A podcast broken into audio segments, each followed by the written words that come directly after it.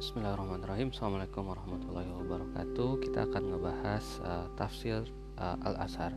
Tafsir Al-Azhar adalah hasil karya terbesar dari ulama ternama yaitu Profesor Dr. Hamka atau Buya Hamka. Dalam penyusunan tafsir Al-Azhar Buya Hamka menggunakan metode tahlili atau analitis. Tafsir Al-Quran dengan Al-Quran. Tafsir Al-Quran dengan hadis, pendapat sahabat, dan tabi'in. Tafsir dengan tafsir muktabar, penggunaan syair, penggunaan analisis bil maktur, menganalisis dengan kemampuan analitis sendiri, dan disusun tanpa membawa pertikaian antar mazhab. Tafsir Al-Hasar menitik beratkan penjelasan ayat-ayat Al-Quran dengan ungkapan yang teliti, menjelaskan makna-makna yang dimaksud dalam Al-Quran dengan bahasa yang indah dan menarik, dan menghubungkan ayat dengan realitas sosial dan sistem budaya yang ada. Buya Hamka membicarakan permasalahan sejarah, sosial, dan budaya di Indonesia.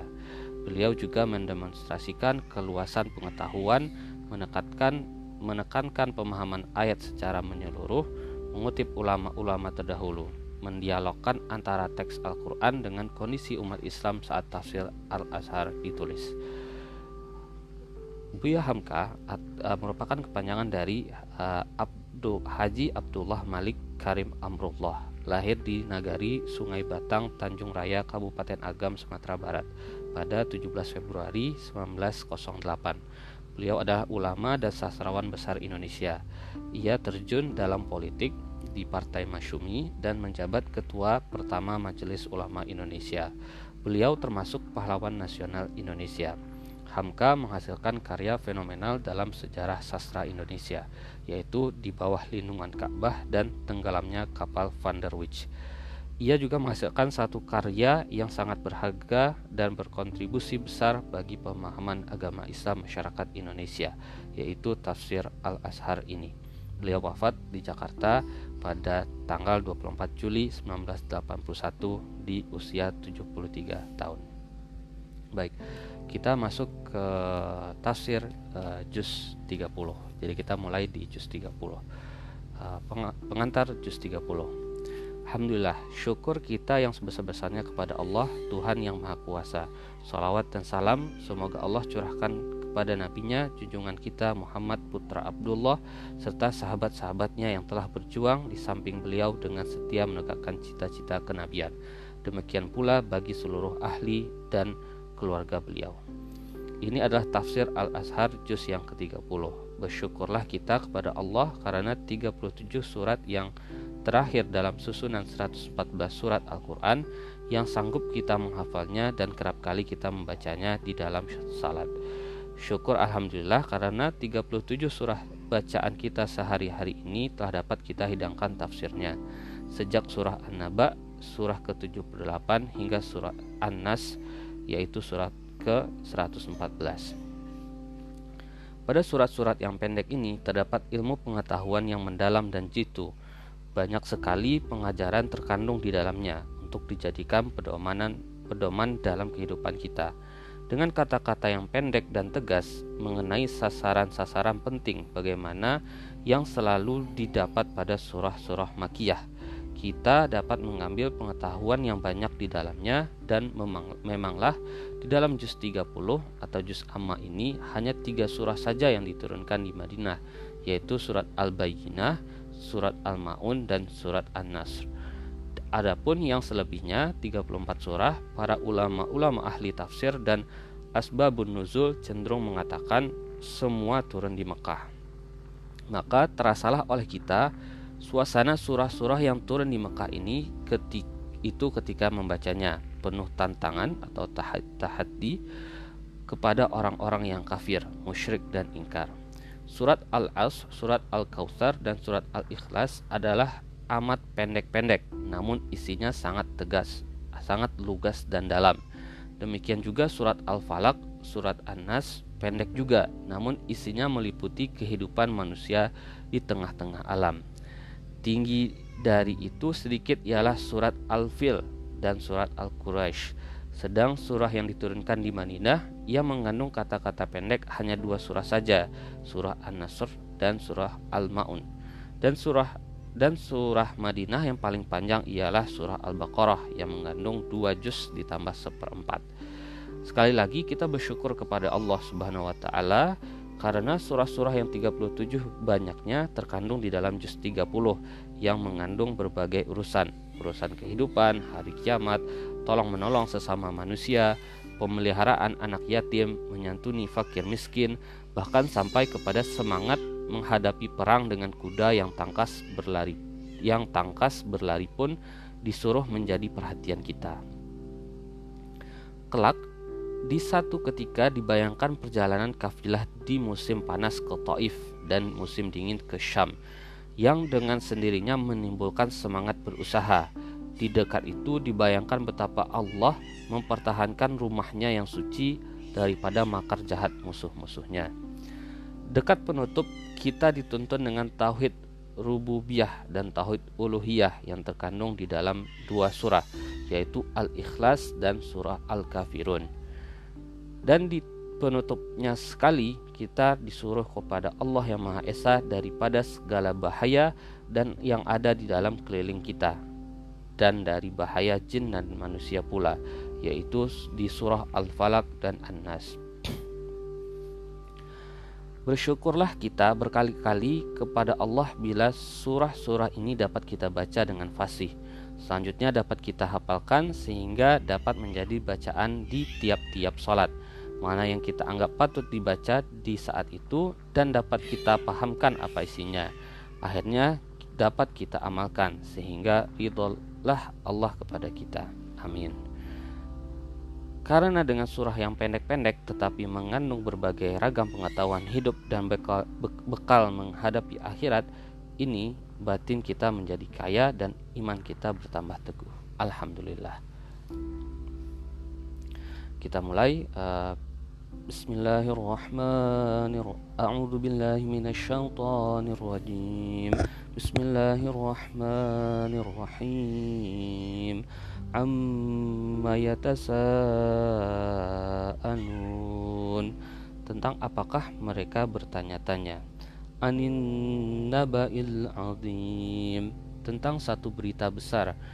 Alladzi hum fihi mukhtalifun yang telah mereka perselisihkan padanya. Kalla sayalamun jangan mereka akan tahu. Kelak mereka akan tahu. Thumma kalla saya'lamun Kemudian itu sekali-kali jangan. Kelak mereka akan tahu. Surat An-Naba ayat 1 sampai 5 uh, Sebab pertama berita yang besar. Ayat 1 Tentang apakah mereka bertanya-tanya Atau soal apakah uh, pada ayat 1 atau soal apakah yang mereka pertengah pertengkarkan di antara sesama mereka? Mengapa mereka jadi bertengkar tidak berkesudahan? Yang mereka tanya-tanyakan, yang mereka persoalkan menjadi buah tutur di mana mereka berkumpul sesama mereka, yaitu kaum kaum Quraisy itu ialah tentang suatu berita besar ayat 2 adalah satu berita besar bagi kaum Quraisy itu ketika Nabi Muhammad SAW anak Abdullah yang mereka kenal sejak dari masa kecilnya sampai masa remajanya lalu meningkat dewasa sehingga berusia lebih dari 40 tahun. Dia telah mengeluarkan suatu pendirian yang berbeda sama sekali dari yang mereka harapkan. Dia mengaku dirinya mendapat wahyu dari Allah. Dia mengaku malaikat Jibril telah datang diutus Allah menemuinya buat menyampaikan wahyu itu dan wahyu-wahyu yang disampaikan itu sangatlah mengguncang masyarakat. Dia melarang menyembah berhala yang selama ini menjadi dasar agama kaumnya. Dan dia pun mengatakan pula bahwa di belakang hari nanti, yaitu setelah kita mati, kita semuanya ini akan hidup kembali dalam alam lain yang bernama alam akhirat.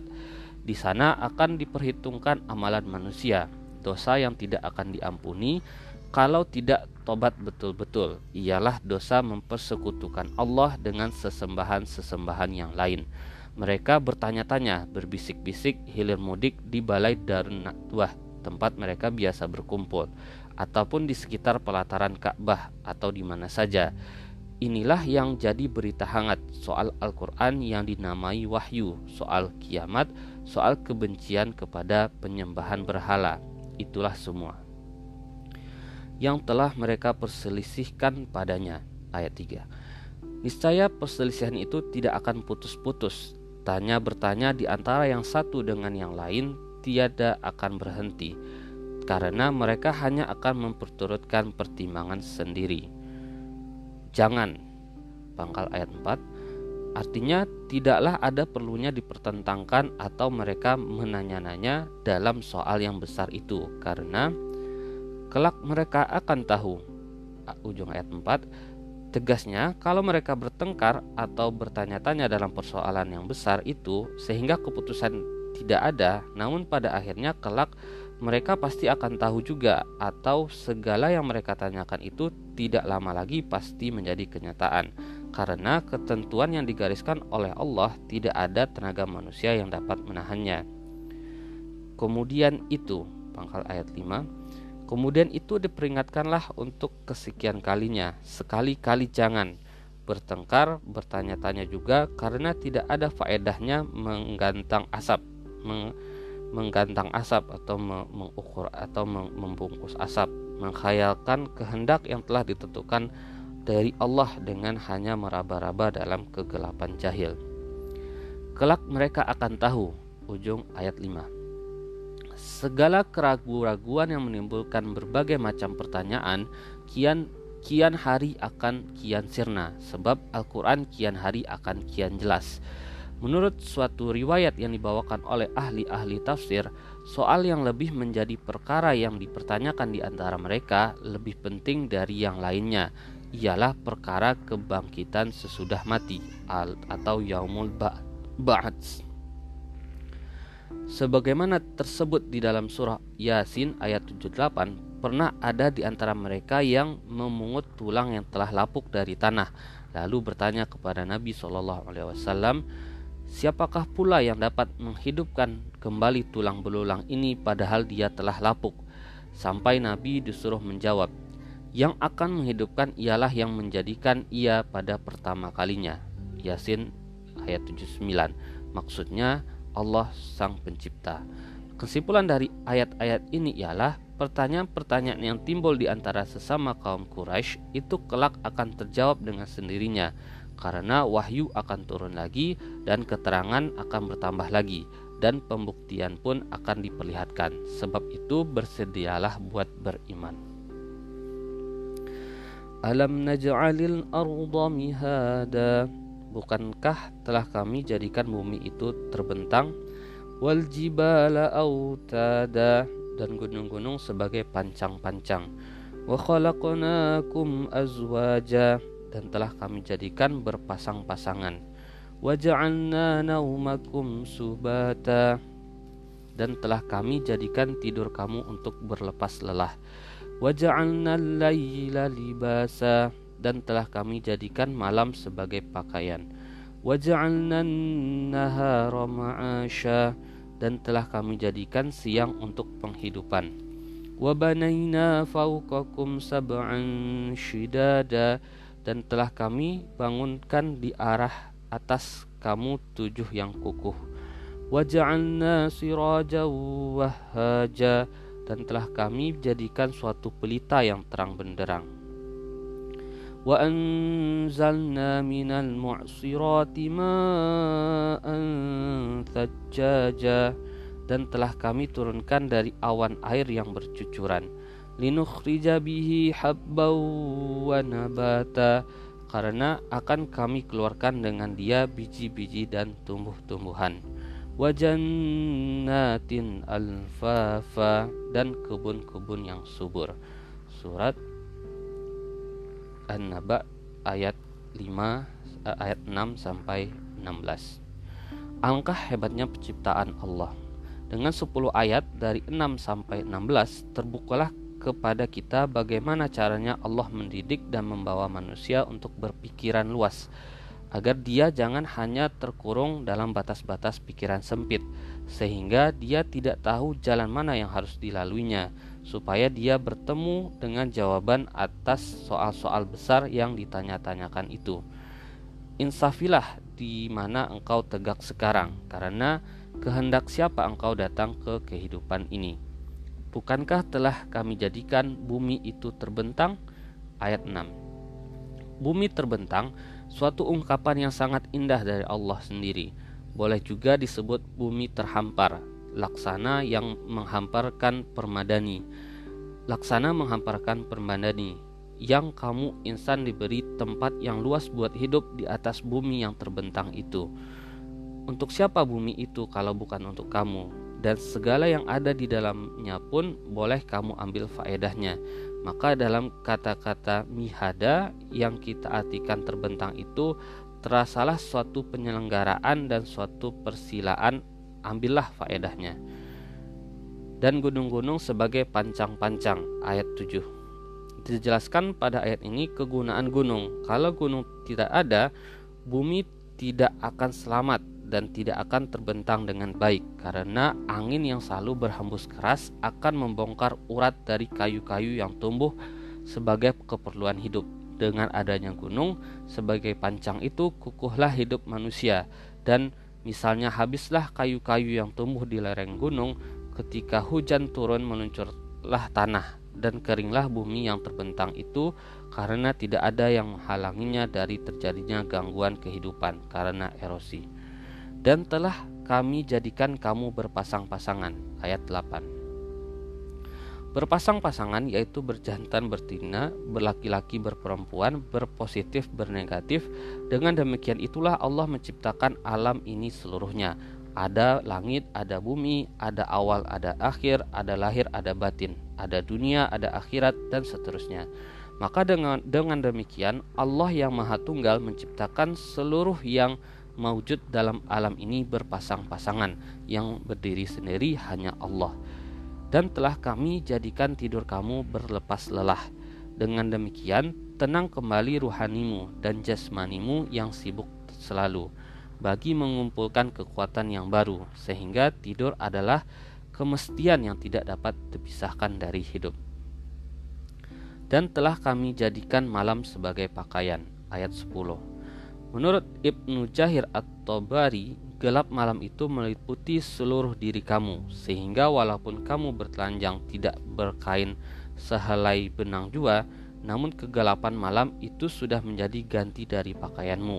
Dan menurut penafsiran dari Ibnu Jubair As-Suddi, keterangan diri karena nyenyak tidur untuk membangkitkan tenaga baru untuk hari esok, serupa juga dengan mengganti pakaian yang telah kumal dengan pakaian yang masih bersih. Dan telah kami jadikan siang untuk penghidupan. Ayat 11. Setelah tadi malam beristirahat, berlepas lelah, pagi-pagi badan dan jiwa menjadi segar. Setelah terasa segar, mulailah bekerja dan bergiat lagi berjalan di atas bumi yang terbentang itu mencari perbekalan buat hidup, mencari rizki, mencari makan dan minum, dan itulah yang dinamai maksya penghidupan. Dalam kata-kata dalam kata susunan lain disebut juga ma'isyah. Dan telah kami bangunkan di atas di arah atas kamu tujuh yang kukuh. Tujuh yang kukuh maksudnya ialah langit yang tujuh lapis. Dan kita pun tahu cara pemakaian bahasa Arab bahwa kalau disebut kalimat tujuh yang dimaksud ialah banyak dan semua langit itu dibina oleh Allah dengan kukuhnya. Ilmu pengetahuan manusia telah tentang alam telah membawa kepada keinsafan bahwa memang kukuhlah bangunan angkasa luar itu yang mungkin telah berjuta-juta tahun lamanya diciptakan oleh Dia yang Maha Kuasa. Namun cakrawala masih tegak teguh dengan jayanya, berdiri dengan kukuhnya. Beredarlah dalam cakrawala itu berjuta-juta bintang dan satu di antaranya adalah bumi kita ini atau sistem tata surya kita ini dan kita pun hidup di atas permukaan bumi di bawah naungan langit. Dan telah kami jadikan suatu pelita yang terang benderang pelita yang terang benderang itu yang hanya satu yaitu matahari telah memancarkan sinar yang terang benderang sehingga kita tahu bagaimana sinar terang benderangnya Bandingkanlah dengan malam hari ketika matahari matahari itu telah terbenam. Meski telah kita ganti angkasa dengan berjuta-juta pelita uh, dalam bentuk lampu kita sendiri, namun berjuta-juta pelita itu belum juga dapat menggantikan sinar terang benderang matahari yang meliputi alam di siang hari. Dan telah kami turunkan dari awan air yang bercucuran. Ayat 14. Itulah hujan yang menyirami bumi. Air bercucuran ialah hujan yang lebat yang selalu mem membagi-bagikan air itu untuk hidup segala yang bernyawa. Di dalam surat Al-Anbiya ayat 30 sudah diterangkan pula bahwa segala yang hidup di atas bumi ini baik manusia atau binatang atau tumbuh-tumbuhan sekalipun sangat bergantung kepada air. Hujanlah cara pembagian air yang paling merata dari Allah buat mengisi sumur yang hampir kering, buat meneruskan air aliran sungai-sungai dan mengalir terus ke laut dan dari laut itu air tadi menguap ke udara buat menjadi awan atau mega mega berkumpul untuk kembali menjadi hujan dan turun kembali. Demikianlah terus menerus. Karena akan kami keluarkan dengan dia, yaitu dengan sebab bercucurannya air hujan tersebut keluarlah biji-biji dan tumbuh-tumbuhan. Ayat ujung ayat 15. Banyaklah macam tumbuhan yang tumbuh berasal dari bijinya seperti lada, mentimun, kacang dan segala jenisnya, jagung dan padi dan sebagainya. Semua itu dari biji atau benih. Sebelum disinggung air, dia kelihatan tidak berarti apa-apa, tetapi setelah dia kena air, timbullah dua helai daun yang tadinya tersimpul menjadi biji itu. Lain pula halnya dengan berbagai tumbuhan-tumbuhan lain yang akan hidup kembali setelah kena air. Ialah uratnya yang telah kering tadi. Air menjadikannya dia basah dan basah mengalirkan kehidupan pada dirinya membuat dan basah mengalirkan hidup pada dirinya buat menghisap air lagi yang ada tersimpan di dalam bumi dan kebun-kebun yang subur. Sudah sejak sudah sejak manusia mengenal hidup bercocok tanam sebagai lanjutan dari hidup berburu di darat dan di air, kian lama kian teraturlah cara manusia menanam dan kian jelaslah apa yang mereka pandang patut ditanam. Mulanya hanya sekedar mencari apa yang baik untuk dimakan, misalnya dengan dikenal manusia gandum dan padi. Misalnya dengan dikenal manusia ada gandum dan padi. Lalu manusia pun membuat kebun atau sawah yang lebih teratur karena akal yang telah lebih cerdas itu didapat setelah banyak pengalaman. Lama kelamaan didapati manusia pun manusia pula lama kelamaan didapati manusia pula tumbuh-tumbuhan lain yang bukan saja untuk dimakan, malahan tumbuh-tumbuhan yang pantas ditenun jadi pakaian. Maka dikenalah kapas, kapuk, idas rumin, kulit terap. Akhirnya, pandailah manusia berkebun kuma, kurma, berkebun anggur, berkebun jeruk, berkebun kelapa, bersawah, dan lain-lainnya. Sampai kita kenal manusia berkebun getah, berkebun nanas buat diambil daunnya jadi serat rami dan benang. Dan tiga ayat yang bertali ini, ayat 14 sampai ayat 16, kita melihat usaha manusia menyesuaikan diri dengan alam pemberian Allah Allah menurunkan hujan, manusia mengatur pengairan. Allah menakdirkan biji-bijian dan tumbuh-tumbuhan, manusia mengatur berkebun, bersawah, dan menyusunnya menurut keadaan buminya. Inilah dia kebudayaan. Sebab itu, maka usaha perkebunan disebut juga kebudayaan, agriculture.